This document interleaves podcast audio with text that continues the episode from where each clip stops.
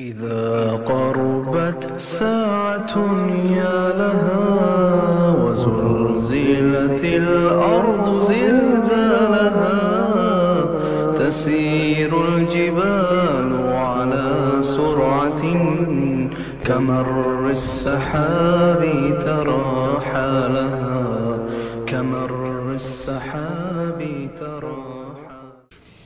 Alhamdulillahi rabbil alamin was salatu was salamu ala rasulillah rabbi shrah li sadri wa yassir li amri wahlul 'uqdatam min lisani yafqahu qawli. To jest svaka zahvala pripada uzvišenom Allahu te wa taala salavat mir i selam na Allahu poslanika Allahu ugmilenika Muhammed alejhi salatu was salam i učasnu porodicu uzvrte ashabe i sve ljude koji slijede put istinu sudnjega dana. Vraćamo moja draga, uvaženi prisutni. Mi nastavljamo se družimo i čitamo knjigu vjerovanju meleke, autor Alija Salabija. U zadnjem predavanju smo govorili o nekim ibadetima Meleka. Zadnju stvar koju smo spomenuli bila je ona poznata stvar i gdje smo se malo i osvrnuli, a to je da Meleki, jedan od njihovih ibadeta jeste da tragaju za ljudima koji robuju Allahu te barka ta'ala, veličaju Allaha, izučavaju Kur'an, da i natkriju svojim krilima i blagosiljaju, Allah Đelšanu došlo je na kraju onda hadisa da uzviši Allah s.w.t. takvim ljudima oprašta grijehe. Nakon toga autor nam kaže na 145. stranici deveto poglavlje, znači deveti ibadet, meleki prisustuju skupnim namazima i izgovaraju ono što muktedije izgovaraju. Či jedan od ibadeta kojih čine meleki, a vidjet ćete mi pokušavamo neprestano da to ne budu klasični dersovi, ono da mi samo nešto ispričamo, neprestano pokušavamo to vjerovanje u meleke povezati sa našom stvarnošću. Da ne bude sutra imamo informacije, evo ja znam o melekima to i to i to i da tu sve stani.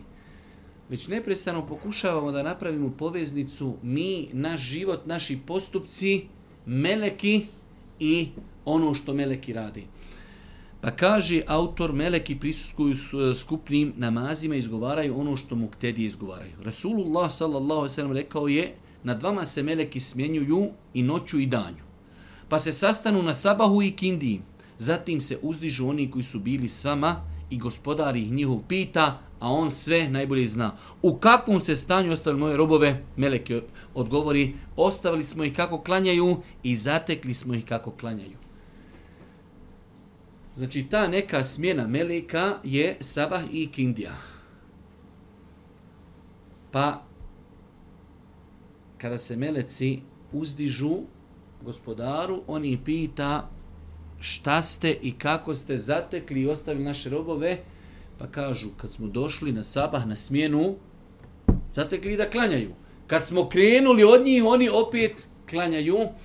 Ovdje nam ovaj hadis indirektno ukazuje da je jedan od najbitnijih ibadeta u čovjekom životu namaz i da se sve vrti oko namaza. Pa čak pogledajte i Meleki kaže zatekli klanjaju, ostavili klanjaju. Znači njihova sva preokupacija jeste namaz. Nakon toga u drugom hadisu stoji aminajte zajedno s imamom. Onom čije se aminanje podudari sa aminanjem Meleka bit će oprošteni grijesi. Mi ćemo poslije govoriti o tom aminanju koji je nekad i u datom momentu i famozno, ali evo drugi hadis kaže kada imam rekne semi Allahu li men hamide, vi recite Rabbena voleke hamd, Allahu naš, gospodaru tebi hvala pripada, naime, onome će se riječ podudari sa riječima Melika, bit će oprošteni rani grijesi. Znači u namazu čovjek ima dvije mogućnosti, opet zbog ibadeta Melika, zato je to autori naveo, kada imam kaže vele dalin, vi recite amin. Čije aminanje se podudari sa aminanjem meleka, bit ćemo oprošteni grijesi. A isto tako, kada imam kaže semi Allahu limen hamide, recite rabbena velekel hamd, onaj čije se izgovaranje riječi podudari sa izgovaranjem riječi meleka, bit ćemo oprošteni grijesi. E sad, vezano za to izgovaranje riječi amin. Zato sam rekao famozno u smislu da nažalost umet i te kako nezrelo gleda na to pitanje. Izgovaranje riječi amin ne bi nikako smjelo da bude neki kamen spoticanja. Jasni hadisi, ali isto tako ako neko i ne praktikuje te hadise, ne smije nekoga ko izgovara tu amin smatrati u dalale, tu u zabludi i obrnuto. Ako čovjek to radi, izgovara iz uvjerenja i smatra da je to uvjerenje, da je to sunnet i da je pohvalno i lijepo i želi nagradu, zašto ljudi izgovaraju taj amin? Baš zato što želi nagradu da se njihovo izgovaranje amin podudari sa izgovaranjem meleka pa da im budu oprošteni grijesi. Ali isto tako ako izgovaram, onaj koji ne izgovara ne smije ga smatrati nikako manje vrijednim jer i on ima razlog zašto to ne radi. Ali generalno gledajući, analizirajući hadise Božih poslanika, propisano je da se nakon fatihe rekne amin i kada je u pitanju imam, i kada su u pitanju muktedije, i kada je u pitanju pojedinačni klanjač. Tri propisa. Propisano da je posle fatihe u ovim namazima, kada se uči na glas, sabah, akšam, jacija, i imam da kaže, vele dalin, amin. I muktedije kažu amin, i čovjek sam kad klanja kod kuće kazat će amin.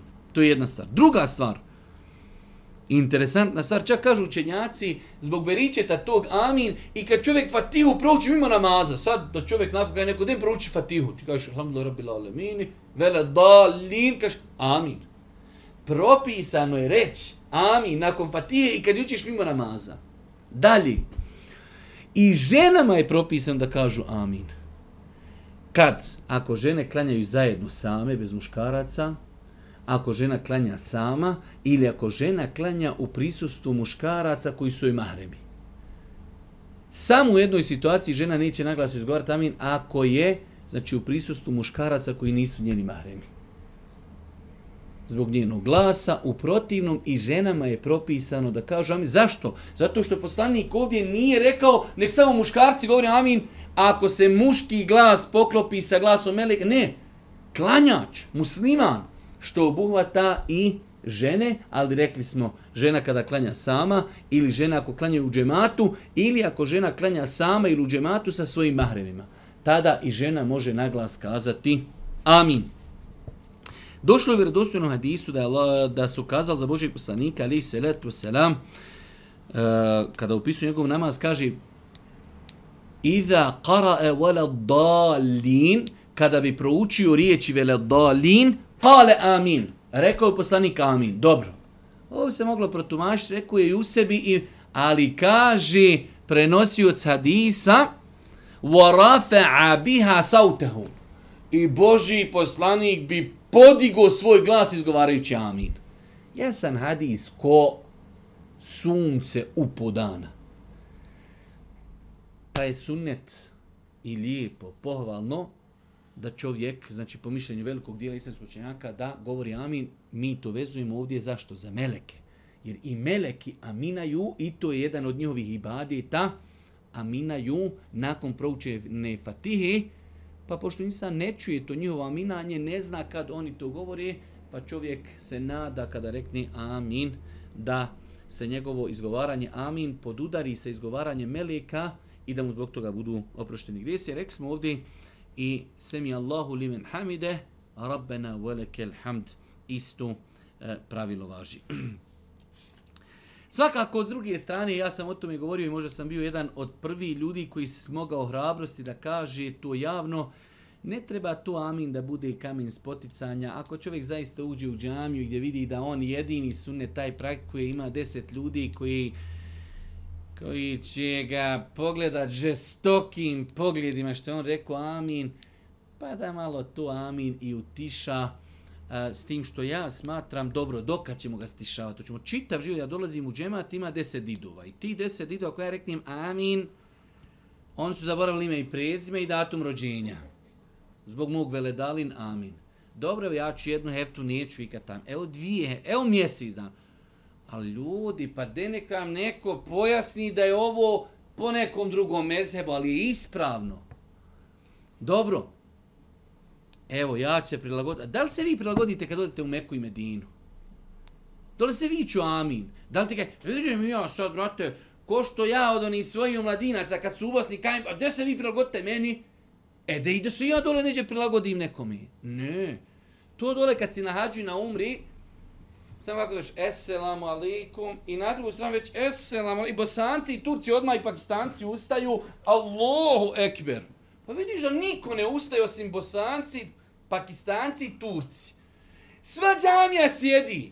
Ali ne bi se ja, što se ja nekom prilagođavam, ma nema. A greška, totalna greška. Spojit far sa sunetom je greška.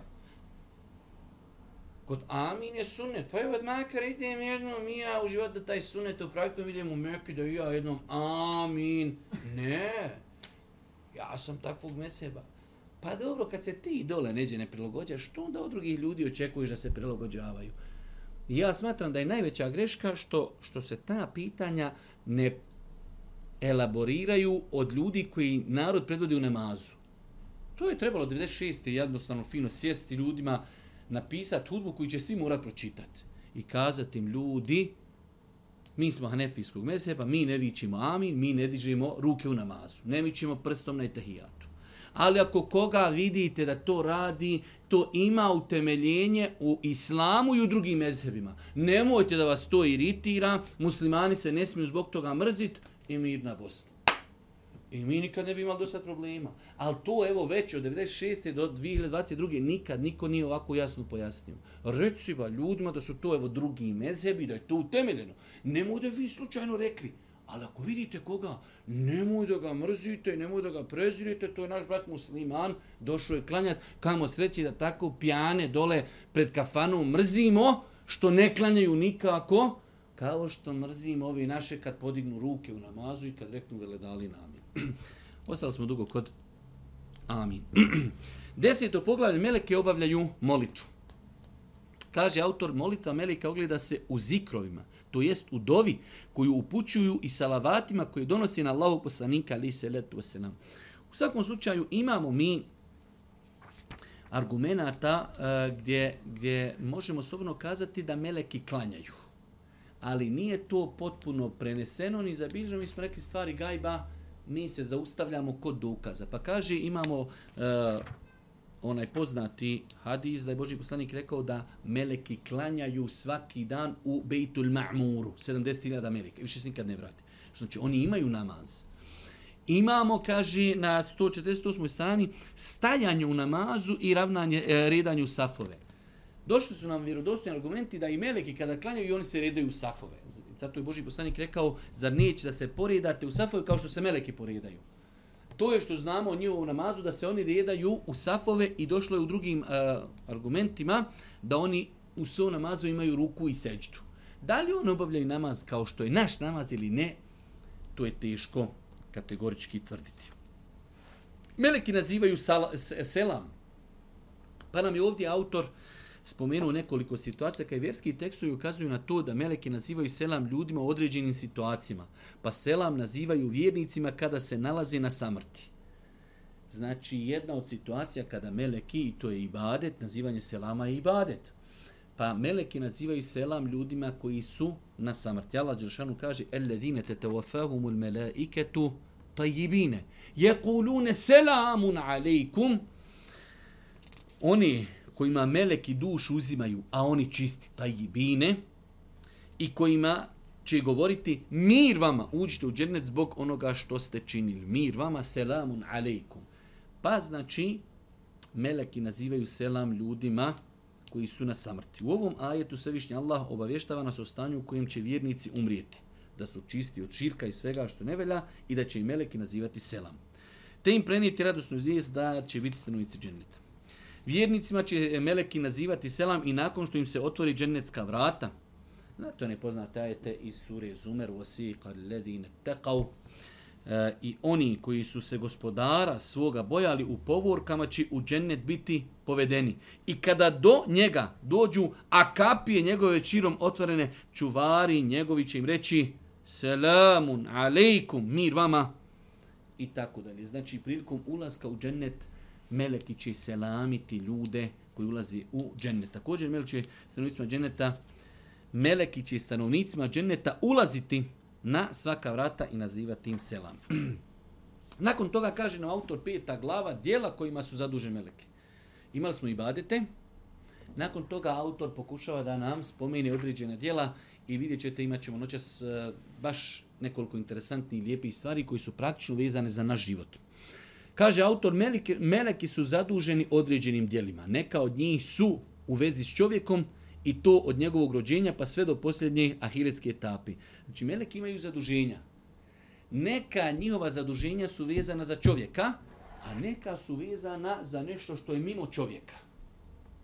Neki veličaju Allaha, neki zikrullah čini, neki klanjaju, neki su zaduženi za određeni kosmičke pojave, a neki su zaduženi za čovjeka. E sad, od samog čovjekovog začeća, boravka u utrobi njegove majke, pa sve vidjeli ste do kabura, do uzimanja duše, do ispitivanja, do svugdje meleci imaju imaju dodir s čovjekom. Čak mi muslimani vjerujemo da neprestano, i o tome ću noćas govoriti, neprestano su uz čovjeka dva meleka. Neprestano. Jedan piše dobra djela, jedan piše loša. Sad kad zamislite da na planeti ima 7 milijardi ljudi, puta 2, 14.000 meleka ima, 14 milijardi meleka ima samo koji nadziru ljude i piše njihova dobra i loša djela. Pa je to nama najbitniji moment dijela koja čine meleki, a koja su vezani za nas. Pa kaže autor, dijela kojima su meleki zaduženi u vezi s čovjekom. Meleki s čovjekom imaju vezu prije njegovog rođenja, tokom života, u Berzahu i na Ahiretu. Znači, vidite, prije rođenja, rodio se, u životu, smrt, Berzah, polaganje računa, neprestano su meleci u dodiru sa čovjekom i njegovim životom. Ovdje ćemo naći samo neka od tih dijela. Prvo, udanjivanje duše u zametak. Znači, prvi kontakt čovjeka sa melekima jeste da melek udahnjuje dušu u fetus.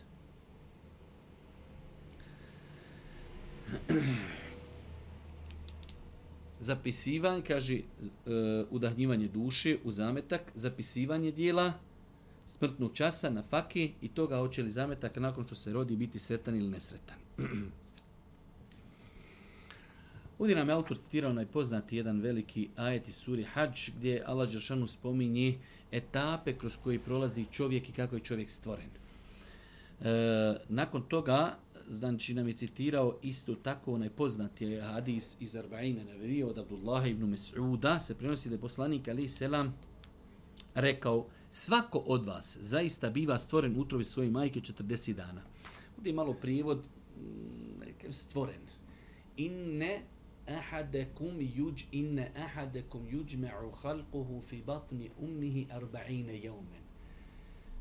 Malo bukvalni prijevod bio doista stvaranje svakog od vas počinje spajanjem dvije vrste tečnosti yujma'u khalquhu fi batni ummi u utrobi njegove majke Znači, taj, to spajanje dvije tečnosti, muževe i suprugine, traje 40 dana.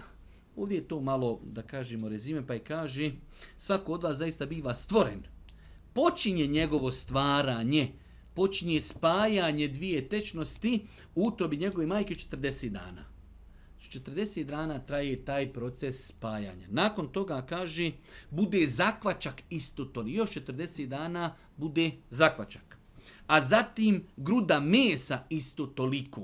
Znači 40, 40, 40, 120. Jasno ko dan. Onda Allah pošalje meleka kom je bude naređeno da zametku zapiše četvrt. Obskrbu. Znači Allah Žešan pošalje meleka sa nebesa i kaže zapiši i propiši ovom novom insanu četiri stvari. Propiši mu obskrbu propiši mu smrtni čas, dijela i hoće li biti sretan ili nesretan. Hajde da pročitamo hadis do kraja pa ćemo se vratiti. Zatim se u zametak udahni duša. E to je, znači, zbog čega je autor e, citirao ovaj hadis, znači, e, udahnjivanje duše biva nakon 120 dana. Nakon 120 dana. Kaže Allah poslanik dalje, tako mi Allaha, zaista će neko od vas rati ono što radi stanovnici dženneta. Tako da između njega i vatre neće biti više od jednog aršina, odnosno džehennema. Tako mi Allaha, zaista će neko od vas rati ono što radi stanovni, stanovnik džehennema. Tako da između njega i vatre neće biti više od jednog aršina. Pa će ga preteći Allahova odredba. Pa će on urati dijelo što i radi stanovnici dženeta, te će ući u njega. Znači, ovo je jedan od najtežih hadisa u islamu. Kaže, neko od vas će raditi dijela stanovnika dženeta. Došlo je nekim rivajetima onako kako vide ljudi. Znači, ljudi vide u enštin čovjek, ovaj, ovo je čovjek dženetlija. Radi, radi, pokuran. Toliko je došlo da između njega i dženneta je podlaktica. Evo od ovda do ovdje. 60 canti kaže pa će ga preteći kader, sudbina, knjiga, pa će početi raditi stanovni, dijela stanovnika džehennema, fe jedhuleha i završiti u džehennemu. Ovo je hadis koji nosi u sebi doista baš mnogo koristi, ali jedna od koristi jeste da se čovjek neprestano boji za sebe. To što sad klanjaš, to što postiš, to što si siguran, ne činiš harame, samo treba da bude razlogom da ustraješ i da moliš Allah da te učvrsti.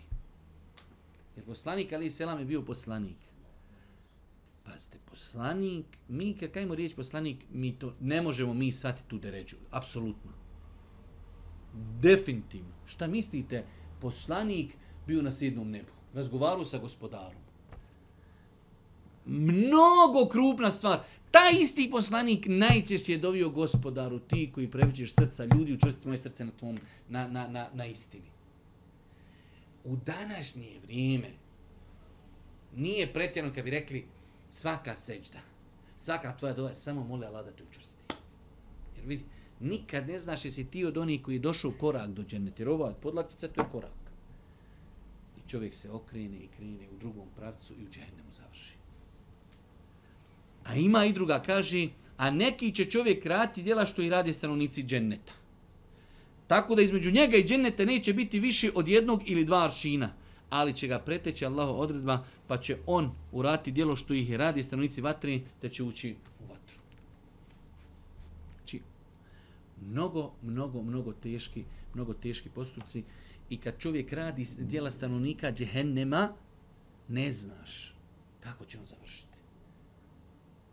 Tvoje je da budeš milosti prema njemu, blag, da ga pozivaš, Omer radijallahu ta'ala je bio Omer, kakav je bio u džahilijetu, ali Allah dao pa se vratio islamu pa je postao ono što je postao. Tako i u našem narodu i ne samo u našem narodu. U svim ljudima na planeti imate ljudi koji su loši, loši, loši, ali kao što su, kad su bili loši, imali su karizmu, bili jaki, bili uticajni, takvi ljudi se mogu vratiti u islam i mogu nakon toga mnogo koristiti islamu pa nikoga ne treba otpisivati. E sada se vratimo ovom našem hadisu. Kaže, znači čovjek 40 dana se formira spajanje dvije tečnosti, muške i ženske. Nakon toga bude zakvačak 40 dana, nakon toga bude grudva mesa i nakon toga, to je 120 dana, nakon toga dolazi melek da udahne u njega dušu. Prva stvar, Na osnovu ovog hadisa učenjaci su kazali da nakon 120 dana uraditi abortus djeteta je ravno ubijstvu. Po konsenzusu učenjaka. Baš ovih danas imamo više pitanja. Veoma lako u današnje vrijeme. Ajde imamo mi ljude koji iz sebi nekih šetanskih razloga rade abortus. Kurvali se vako, onako, žena zatrudila abortus. O tome mi ne pričamo. Pričamo o situacijama da veoma često se dešava u današnje vrijeme malo žena zatrudnila, daj na neke pretrage i evo, daj mi jednu osobu koja je došla kaže u tebe sve u redu. Nešto tamo ne vidimo, nije dobro, neki sindrom, nešto crno, nešto se ne miče, neka zvijer, nema ni jedno ispravno dijete da ga žena nosi. Šta je rješenje? Pa najbolje je bilo abortu da se uradi. Pa ljudi i tekako lako la, i te kako lako se odlučuju na abortus. Pogotovo u ovoj situaciji nakon 120 dana. Ubijstvo. Ubijstvo. Ubio si živu osobu. Nerijetko se dešava, pogotovo ono kao, po tim nekim statistika, ako majka ima više od 30 godina, Downov sindrom. To i šta, šta treba, ćemo ga ubiti? Ma ubijaj čoveči. La haule wala kuvata illa billah. Znate koliko puta se to veoma lako dešava. Vjerujte da znam, a ne vam reklim ime čovjeka, jer zato što ne idete pred kamerom, jedan naš daja, šejh nam je pričao, kaže, meni se desilo, njemu se desilo, kaže, došli smo sa Anumom na pregled, žena se ufatla za glavu, kaj šta je ovo, ovo, kaj ovo ni te džin, ni insa, ni, ni, ni šta ovo, samo, kaže, vodi odma, odma, apsolutno, apsolutno, kaže, to mora biti on abortus. Pa dobro, postoji li mogućnost, jedan posto, ne, ne, ne, postoji, gospodine, ne miješajte se u struku, ne znate, ne, pa može li da odimo neće drugo, ne, nema ništa, samo operacija. Kaže, mi ne pristanemo u drugu, kaže, odemo u drugu onaj ustanovu, doktorica kaže, ja ovdje doista ne vidim ništa, sve normalno. Allah mi kaže, rodilo se dijete, čisto, zdravo, kosica, lijepo, nikakvi, ova ufatla se, kaže, ja ne znam šta je ovo. Ja kaj ne znam, ovo, ovo do sad vidjeli u životu nismo. Da li ona upala ekran ili nije, da li gledala ugašen ekran, šta li je gledala? Allah najbolji zna. Je li popila kafu to jutro? Nije. Da li se drogira? Da li se ne drogira? Hajoj znaj, nosi naočale, dioptrija. Ne... Gospodini, sam, ovo, ovo, atomska bomba, isplodirat će abortus nakon 120 dana po jednom mišljenju samo može, po, i to nije po ako život majke u pitanju. Kažu doktor, vidite, ova dalja trudnoća, žena će umriti. Iako je bilo u koja kaže, ni tada ne može. Iako Allah najbolje zna u takvoj situaciji, kad bi doista kompetentni doktor rekli, ova žena će umrijeti ako nastavi sa trudnoćom, čuvamo život majke. Iako je bilo u Ne. Ništa, njen život nije preći od njegovog. Nek stoji, pa ko ostane živ. Nakon 120 dana, znači, abortus je strogo zabranjen. A nažalost, znači, ljudi se zbog nekih e, nedokazanih čini. Znate koliko se puta desilo ova priča koju sam ispričao da ljudima kažu, ma to su neke osnovne... do zadnjeg dana muško, muško, muško, sutra se rodi žensko, pa krupne se, Dijete tek volišno. Kaže, ne, na mozgu mu ima tamo neka nepravilnost. Gdje je, vidiš, ne vidiš, ili muško ili žensko, profulaš, na mozgu mu se ne razvijaju ćelije. Kako vidiš, Allahu ekver, ko da si otvorio stomak, pa glavu, pa mozak i ušao u ćeliju. Ništa kaj, samo abortus. Samo vadi, samo ubijaj ovo nije pocijenjivanje medicini. Treba paziti na medicinu, treba slušati govor doktora, ali doista procenat, e, znači, e, da kažemo, grešaka je velik. Gdje ljudi to uzmu zdravo za gotovo i onda ljudi u, u, u dilemi šta da uradim. Tako da se ponašam. Mm, to je jedna korist iz ovog hadisa, znači nakon 120 dana dijete je oživjelo, udahnuta duša u njega. Zabranjeno ga je ubiti. Druga stvar ovdje kaže, budu mu upisane četiri stvari. Obskrba. Prva stvar, najveća briga na Dunjalkoj čovjeku šta? Rizk na faka. Kaže mu gospod, Nizba još ni izišao, još ni stiba. Čeka tebe flašica, čekate, čekate pupak, sve tebi obezvijeđeno. Ali prije još ti unutra, nema zime, ne treba i deke, ne treba i čarapići, ne treba i pelene, ne treba pamper. Još ti unutra, kaj, propisano je, završeno, ne skiraj se, fino, kupaj se unutra, lijepo, muški, ženski, ako hoćeš. Ne skiraj, na fakat je propisano, završeno. Što ovo znači? možeš ne da radiš 24 sata, možeš da radiš 84 sata u jednom danu. Ne mreš za rato više od onoga što je tog dana Melek napisao. To se moraš naučiti. Sad ja znam kako je... A to po vama znači samo sjedi, zikriš u čurija, vi bi samo klanjali. Ne bi mi klanjali, to neko drugi o nama govori. Idi, trči, radi, znači svaku nedlju radi, svaku subotu radi, radi preko vremeno, ali nemoj namaz propuštati. Radi halal posu. Obavljaj ono što ti je gospodar naredio. Ispuni obaveze prema ženi, prema djetetu, prema babi, prema mami, prema sebi, a mimo toga i subotu, i nedjelju, i 18 sati dnevno, samo neka je na halal način. I nek te to ne odvodi od Allaha. E, ja moram vidjeti za na faku, nemam klanjat. Greška, brate, melek, ba zapisu kolika ti je na faka. Pa je ovo hadis ključan, ko u njega vjeruje. Ko ne vjeruje, kaj ja mogu malo više izraditi onoga što je melek zapisao. Jer to je starija tehnologija, nije melek dobro zapisao, možemo mi malo više zaraditi. Ne možeš feningi. Koliko ti je melek zapisao, toliko možeš. I to kad se ono dobro napneš i kad dobro požuriš, e toliko ćeš zaraditi. Zapišemo, kaže, obskrbu, smrtni čas. Jedna od stvari koja je u životu stresna ljudima, smrtni čas. Kad, šta, kako. Određen je. Svaki dan, ko što kaže Hasan el Basri, se otkine dio tebe. Svaki dan prošao tebi, otkinu. Što imaš lego kockice? Uzmiš jednu kockicu tup, ošao dan, tebi, primake osi se, dan. Kad je? Ne znamo. Alhamdulillah, pa ne znamo. Čovjek bi poludio kad bi znao. Ali je precizirano. E sad, imate hadise gdje Boži poslanik kaže ko hoće da mu se poveća na faka, da mu se produži život, neko obilazi rodbinu. Kako mu se može produžiti? Ne, ne, može. Tamo.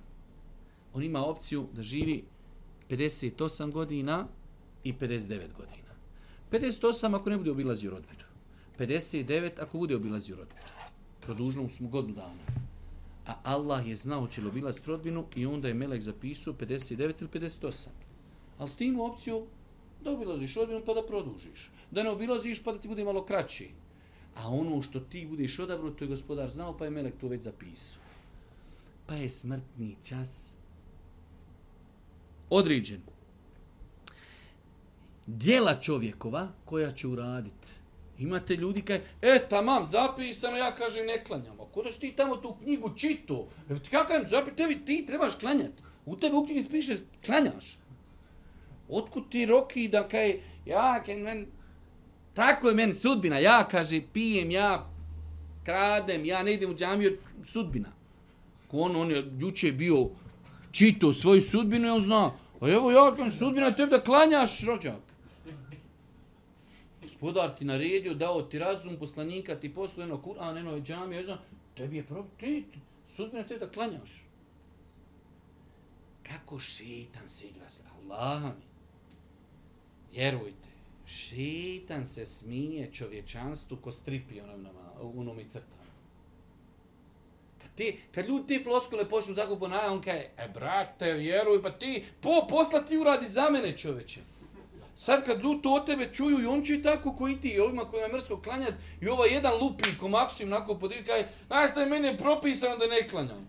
I ovaj drugi, joj, što ovaj dobro lupi čoveče, ja nisam znao šta ću lupit, a vidi ovaj mi rekao čovjek, I šetan viće, evo vidi, ovaj uradi za mene, po, evo i ovaj neće klanjati, ovaj drugi rekao komši, i svi ringe, ringe, jaja, igraju se čika paje. Što ne klanjaš? Propisano mi da ne klanjam šetan sjedi i sad veli ode i ja kopat grah, nema više ovi su odrađeni, Haso je sa svojom ovom izjavom na kautiru i sjedi oni boli i brigava.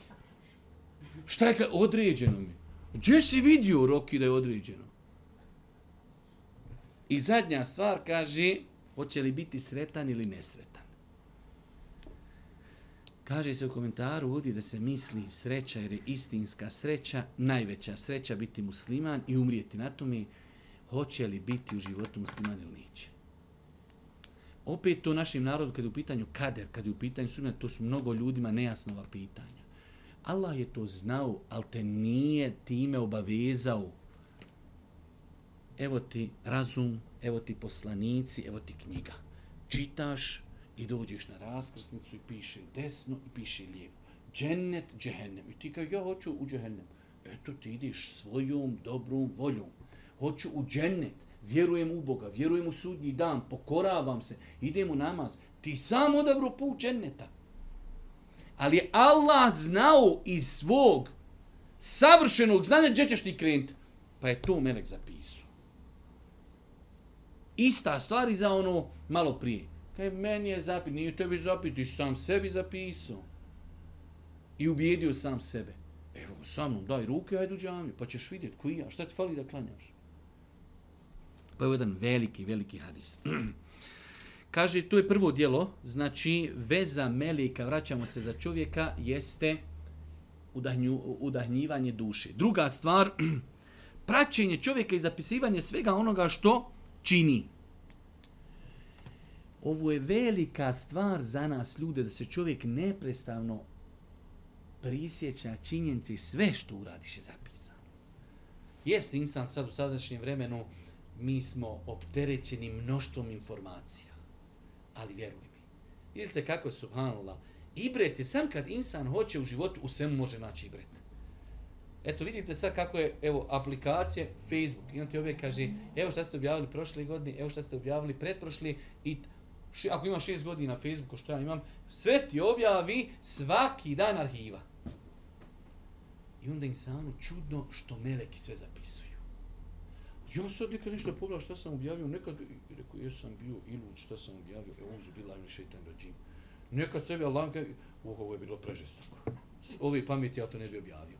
Ali gotovo, objavio, meleci zapisali. A Facebook opet i on sebi, i on sebi zapisao. Jer ako ti sutra treba da nekad neđe da te nešto kompromitom, kaže, jes još, evo ga, vidi šta je kod nas objavljivo. Pa meleki zapisuju čovjekova dobra i loša djela. I ti pazi čovjek dao nekoj ženi prije, ne znam, 15 godina neku marku. Ma zaboravio, brate, šta sam juče jeo. A melek nije. Prije 15 godina, 13 sati i 54 minute, na Alipašinom dao ženi Marko. Isto i zapisano. Ali isto tako, prije 38 godina, Opsovu, 13 sati, 63 minute i 24 sekunde, nalipašinom isto, opsovu, piše, opsovu. Sve Ma jelfidhu min qavlin illa ladejhi raqibun atid i ni jednu riječ oni ne izuste, da pored njih nisu meleki, koji zapisuju. Kad u suri Kehfonu, kućim u petkom, kaže وَبُدِيَ الْكِتَابُ فَتَرَ الْمُجْرِمِينَ مُشْفِقِينَ مِمَّا فِيهِ وَيَقُولُونَ ما لهذا الكتاب لا يغادر صغيرة ولا كبيرة kad se kaže knjiga posle na sudnjem danu ljudi će prestrašni reći šta je ovo Knjiga prebrojala i sitno i krupno sve prema od dana kad si postao punoljetan do smrti i vidjet ćete još teži stvari od toga šta može biti teže od ovoga može biti teže od ovoga da ti meleki zapisuju namjeru Allah. Daješ sto maraka i ti znaš da te šeki slomio. Kaj je dadni da te vidite uslikaju. I Melek tam piše. Dao sto maraka, ali je nijetio da ga ljudi vidi. I ne samo to. Meleki ti zapisuju dijela nakon tvog života. Ti posadio jerba smo pored puta i ti umro, jerba sme spadaju, ljudi jedu, Melek, kad god neko pojedi kaže, e, ovo je Hasi na žiro račun, a Haso pod zemljom. Ali isto tako, kad uključiš, sada vam mogu, mogu reći ime i prezme, ali odmah me sutra prozvali u novinama što vrijeđam pjevače koji su umrli, ali kad god uključiš muziku nekog velikog kralja muzike, a on dole pod zemljom, struho, Melek i kaže, e, evo ga, opet uključili. Broj, grijehe, udri. Ili neko tamo prije, u sedmom stoljeću, neko izmislio neku novotariju. A mi živimo u 14. stoljeću. Prije 7 stoljeća. I ti danas, i ti tu neku novotariju uletiš, ringe, ringe, jaja, Melek zapisuje onome tam prije 7 stoljeća. Ima li dokaz za to? I te kako dokaz za to? Poslanik Ali Selam kaže, nikad se neće desiti na zemlji bespravno ubijstvo, do koga sulju ide lanas prenosilaca, a da neće Ademovom sinu biti dio grijeha upisan. Zašto? Ademovi sinovi imao dva sina, jedan bespravno ubio drugog. To je onaj malo prije što, onaj, što onu izjavu rekao. Kogod je poslije ubio nekog bespravno, koga je naučio? Jer to ljudi ne bi znali da se more ubiti. Čuo ubio brata. Pa kaže, ubio ba Ademov sin, ubio svog, ba čoveče, rođenog. Pomogu ja komšiju rok, brate, ako se odemo vi sebe rokali, mogu i ja. Aha, po. Kaže poslanik, koliko je od Adema ali selam do Muhammeda ali to sam uzvišen, Allah zna. Kad god se, kaže, na zemlji, bespravno prolije krvi, prvi on, njemu se, kaže, upiše. To melec zapisuju. Znači sad, pogledaj lanac prenosilaca, historija čovječanstva teče, sad ratovi, ubijstva, osvajanja, ubijanja, ono mi tam kapa. To sve mene zapisuju. To sve mene. I tako treba vjerovati u meleke. Tako treba vjerovati u meleke. Da vjeruješ ako si posadio vočku, sutra kad sadnji čovjek ukrade. Ukru čovjek. To vidi sadaka. On će odgovara što je ukru. Ptice dođu.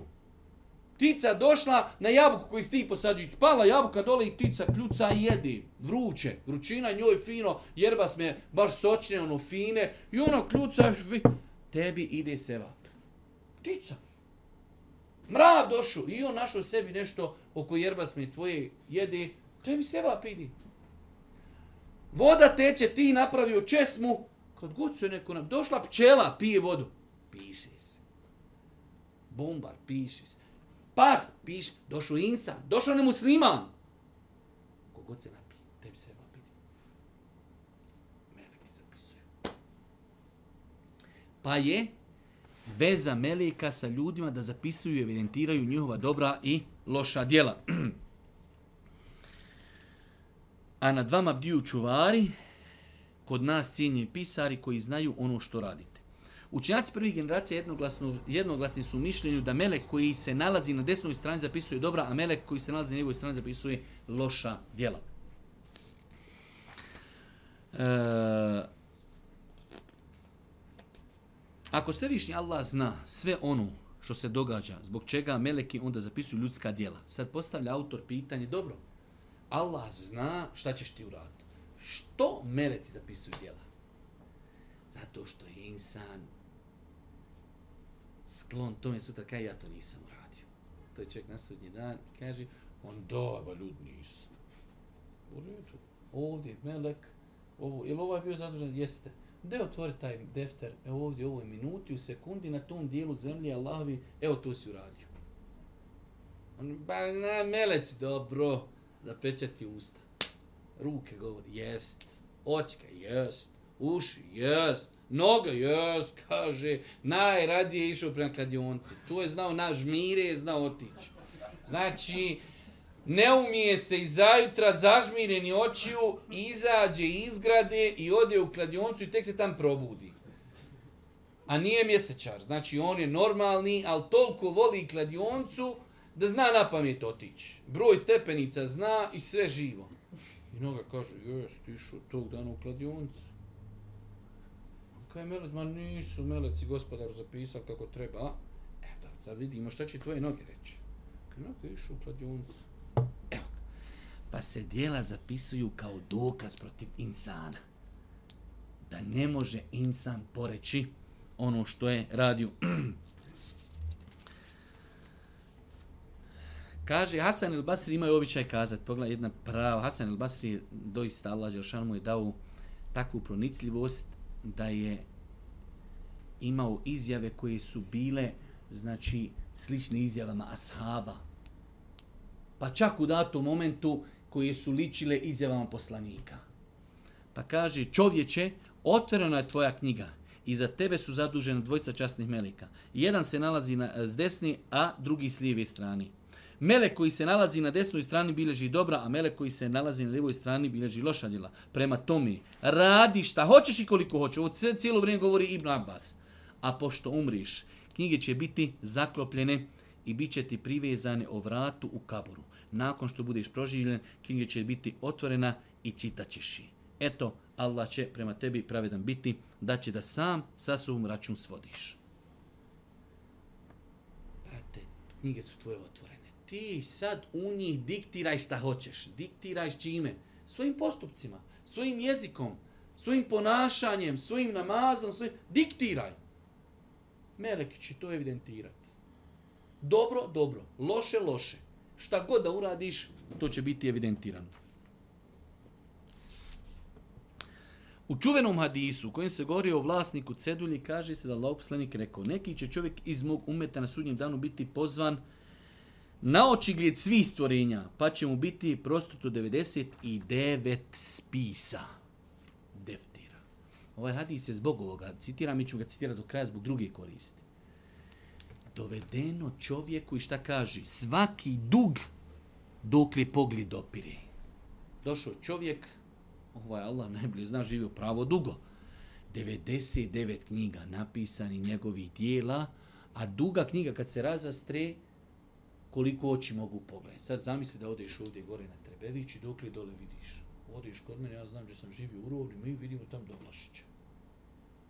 20 km. Znači 99 ti registara, a jedan je dug 20 km. Ispisano sve. Biće upitan, negiraš li što od ovoga? Ne, moj gospod, odgovorit Allah će ga upita, imaš li kakvog pravdanje ili makar jedno dobro djelo, taj će čovjek pre, prestraviti i odgovoriti, nemam, moj gospodar. Allah će mu reći, naprotiv, ti kod nas imaš jedno dobro djelo i danas nećeš biti zakinut. Poznato je. Pojenta ovog hadisa jeste da ga je citirao autor da su djela zapisana. Opet, do kraja hadisa će donijeti čovjeku njegovu cedulju na kojoj piše La ilaha illa Muhammedu Rasulullah koja će to sve prevagnuti, monoteizam i Allahova jednoća, vjera u Allaha je najteže djelo koje čovjek ima. I najveća počast. Koju, nažalost, mi u velikom broju slučajeva i nismo svjesni da mi prvu riječ koju naučimo dok smo ono kod dijete i ljuljaš bebu, onaj, beško ljudi ljuljaju la ilaha illa Muhammed Rasulullah. Pa su riječi la ilaha illa normalno kad se reknu iz srca, iz uvjerenja i kada se po njima živi, najteže dobro djelo koje čovjek može imati. Kaže autor ovdje na 162. stranici šta meleki zapisuju. Nakon što nam je konstatirao da meleki zapisuju razlog zašto zapisuju, šta zapisuju, pa nam kaže. Vjerski tekstovi dokazuju da meleki do u detalje, ne samo u općenitom smislu, zapisuju sve čovjekove riječi kao i djela. Vidljiva i nevidljiva. Znači, ne da ono, danas je klanju, Ne. Kako si otišao, svaka stopa, koliko si bio prisutan namaz, šta si zikrio nakon namaz, kako si zikrio, gdje si, sve do u detalje. Najvećemo, kaže, samo neki od tih tekstova. Kaže Ebu Hurira, da prenosi da Allah poslanik, ali sam rekao, onaj ko pažljivo uzme abdest i pođe u džamiju, u namazu je sve dok čeka obavljanje namaza radi kojeg je napustio kuću. Vidite, znači čovjek krenuo kod će abdesu i krenuo od kući. Meleci već evidentiraju u namazu je. Poseban vid evidencije u namazu je. U redu. Nakon toga, na putu do džamije, zbog jednog koračaja, jednom nogom bit će mu upisano jedno dobro djelo, a zbog koračaja drugom nogom bit će mu obrisan jedan grijeh.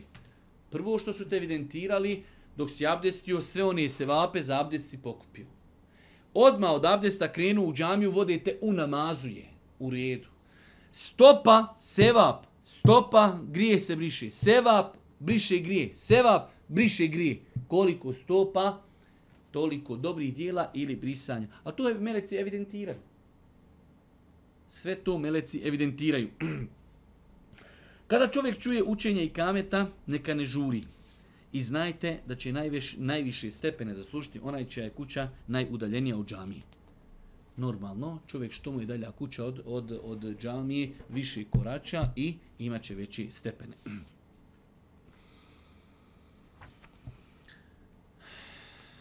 Kaže Džabir radijallahu ta'ala, neka mjesta oko džamije postala su slobodna, pa su se pripadnici klana, plemena, selima, željeli preseliti u blizini džamije. To je saznao Allah poslanik pa im je rekao, čuo sam da želite premjesti se u, blizini, u blizinu džamije. Oni su rekli, da, Allah on je rekao, o Benu Selime, držite se svojih kuća, za korak ćete imati sevap, držite se svojih kuća, za korak ćete imati sevap. Zvijeme Božih poslanika desilo se da jednostavno određene parcele su postale slobodne blizu džamije Božih poslanika, pa su ljudi htjeli da budu bliže kako bi lakše išli u džamiju. Pa kada je to čuo Božih poslanik, kaže, ostanite vi dalje. Nemoj da mislite E, da ste na gubitku, vi ste na dobitku. Svaka stopa koju uradite ka džami je dobro djelo. U vjerskim tekstovima nalazimo potvrdu Kaže, mnogo je ajeta i hadisa iz kojih se ima zaključiti da meleki u knjigama zapisuju sve što čovjek čini malo i veliko, te da će to čovjeku biti pokazano sudnjem danu. Dobro, autor nam je ovdje dokazao da meleki zapisuju pojedinačno, a ne samo, znači općenito. Sad ide dalje da zapisuju i velika i mala dijela, pa kaže, u istinu čovjek izgovori riječ koju Allah ne voli, ne pridajući joj neku osobnu pažnju, joj važnost, a zbog nje Allah na njega bude ljud sve do sudnjeg dana. Rekao sam jednu riječ, meleki evidentirali. A toliko je krupna ta riječ da je zbog nje Allah žašao na njega srdice do sudnjeg dana. U vjerskim tekstovima nalazimo potvrdu da bivaju zapisana i dijela koja čovjek srcem učini. Srcem. Znači, ajde, vidimo ča šta čovjek radi, meleki to evidentiraju. Ne, meleki evidentiraju tvoju namjeru evidentiraju tvoj tevekul na Allah. Meleki evidentiraju tvoju zavist. Meleki evidentiraju tvoju mržđu. Sjedi čovjek prošao pored tebe, ti u sebi mrziš, likaš, ti ništa. Znači, ja, da, da sam ja pored tebe, ja bih rekao ništa, čovjek sjedi i razgleda, broji muhe. Meleki pišu, mrzi brata muslimana. Ostalo je da se pri, pripovjeda da je čuveni Hasan el Basri u vezi s predmetima predmetnim izrazom rekao meleki, melekima nije skriveno ništa od onoga što ljudi radi. Ibn Abil Iz el Hanefi zapisao je, na osnovu vjerskih tekstova znano je da meleki zapisuju čovjekove riječi i djela kao i namjere, jer je namjera djelo koje čini srce, te stoga potpada pod opće značenje Allahove riječi koji znaju ono što radi. Pa nam je nakon toga a, a, a, autor citirao poznati hadis koji jasno ukazuje da meleki znaju namjeru. Pa kaže, Ebu Hurire prenosi da je vjerovjesnik rekao, Svevišnji Allah kaže, kad moj rob odluči učiniti kakvo loše djelo, nemojte mu grijeh upisivati ako ga uradi. Upišite mu ga ka, a, kada moj rob odluči učiniti kakvo loše djelo, nemojte mu grijeh upisati ako ga uradi, upišemo ga kao jedan grijeh. Znači, samo čovjek donio namjeru, meleki znaju da je donio namjeru. Ne upisuj. Ako ga uradi, upišite mu jedno. Kaže, kada odluči udrati kako dobro djelo i ne uradi, upište mu jedno dobro djelo. O tome smo više puta govorili. Allahov rahmet i milost prema robovima je da imamo namjeru loše djela i dobrog djela. Na nijetiš kažeš, ne daj Bože, ode u rat neki grijeh na nijetiju, melek to ne piše. Kad ga uradiš, melek napiše grije. Za dobro djelo, kažeš, idem u rad dobro djelo. I kreneš da uradiš i nešto te neko te zovne, zaboraviš, melek ne piše uradi dobro djelo. A nisi ti ništa rekao, sad sjediš, šutiš, imaš namjeru, ode na akšam namaz. Ništa ti ne govoriš. Kriviš ka akšamu, melek napisao, otišao i nađe. I upo, puta zove te mati kaže sine požuri kući, ne znam, problem neki. Ti se vratiš. Melek napisao, bio je u džematu. Zbog namjere koju su imali. Pa meleki znaju čovjekove namire sodno ovom hadisu. Kada odluči urati kako dobro djelo i ne uradi ga, upišite mu jedno dobro djelo. Ako ga uradi, upišite mu to kao deset, e, deset dobrih djela. Dakle, Allah Žešan dao je da plemeniti pisari, zapisuju sve čovjekove riječi i djela, pa i djela koja čini srcem. Vjerski tekstovi pokazuju da meleki zapisuju i dobra i loša djela nakon čovjekove smrti. Ovo je ono što smo prije rekli. Znači, meleki zapisuju djela velika, mala, zapisuju srčani namjere I ne samo to, umru čovjek pod zemljom. Ako je bio razlogom za dobra djela, meleki napisuju, nastavljaju da pišu njegova dobra djela. Sad evo vidite, Begova džamija. Kad god neko klanja u toj Begovoj džami, gazi usred Begu se piši sevat. Koliko god namaza, koliko god klanjača, koliko god hudbi, koliko god, njemu se uvijek piši. Zato se zove šta? Trajna sadaka. Traji. Zato u islamu kad imaš priliku da uradiš dobro djelo i možeš uraditi djelo, uraćeš ga sad i završeno i djelo trajni sadak, uvijek dadi tome prednost. Uvijek dadni prednost, makar to bilo malehno dobro djelo, zato ćete vidjeti kroz, kroz uh, historiju bilo koji musliman, imalo imućan, trudio je se da iza sebe ostavi vakuf. Da ostavi za sebe nešto što kapa nešto od čega će imati koristi. Potvrdu za ovu konstataciju, znači e, da Meleki bilježe ono što radi se nakon njegovog života, nalazimo u kuranskom ajetu mi ćemo zaista mrtve oživjeti i mi smo zapisali ono što su uradili i dijela koja su iza sebe ostavili. I dijela koja su iza sebe ostavili. Wa. Athar znači tragove. Ti uradio dobro dijelo I ono ostaje tragove. Čovjek napisao knjigu i ljudi posle njega. On umro, čovjek nauči iz njegove knjige kako se klanja. To što je on umro ništa ne znači. Ovaj što je naučio kad ovaj god klanja, a naučio iz njegove knjige, njemu ide sevap. I suprotno. Ti ostavi za sebe neki šetaluk, ostavi neku neuzbila štetno znanje i ti umro. I kad god neko to štetno znanje nauči, ide na tvoj konto. Dakle, meleki, dakle, meleki zapisuju čovjekova djela koja čini tokom života, kao i djela koje, koja je prouzročio ili na njih potaknu, a koja neko drugi čini nakon njegove smrti. Čak do te mjeri, nisi ti direktno, ajde ovo begova džamija, lako nam je shvatiti. Ti čovjeka podučio sufari. Taj čovjek god uči Kur'an, ti imaš seba. Dobro. Pa, ali to je Allahova milost i pravednost. Dobro, ti sad naučio nekog drugog. Onaj drugi kad uči, opet ovaj prvi ima sevap. Zašto? Zato što si ti bio razlog. On nakon toga naučio stotinu. Oni svi stotinu što uči u redu tvoj šeh ima, ali onaj koji je naučio tvog šeha ima i on sevap za to. Jer si ti bio uzročnik svega toga, a isto je tako i za grijehe. Kaži, Tome u prilog ide i predaje koji prenosi Abdullah ibn Mesud radijallahu ta'ala anhu da je poslanik rekao u svakom nepravednom bistu prvi sin Ademu imaće udio u grijehu. Tim prije jer je on taj koji je prvi u bistu počinio. Ovaj hadis je ključan u ovom poglavlju. Prvi koji je ubio bespravno, bespravno Ademov sin. Svako bespravno ubistvo kači se i njemu procenat. To, to sad u ovom našem jeziku, mi sad volimo te procente s Arapima, ugrađujemo se suđe. E, ovako sad ovo možeš razumjeti u procentima. Kogod ubije nekog bespravno i ovaj Ademov sin ima u tome udjela. Ovdje ima onaj drugi hadis koji ćemo citirati, tu ćemo inšala najvratnije i stati, iako imamo onaj baš interesantni stvari za večeras. Je li je onda ćemo inšala vizilna stat da, da, da ne bi kasnila na nama. Subhanak Allahumma bihamdika ashhadu an la ilaha illa anta astaghfiruka wa atubu ilayk.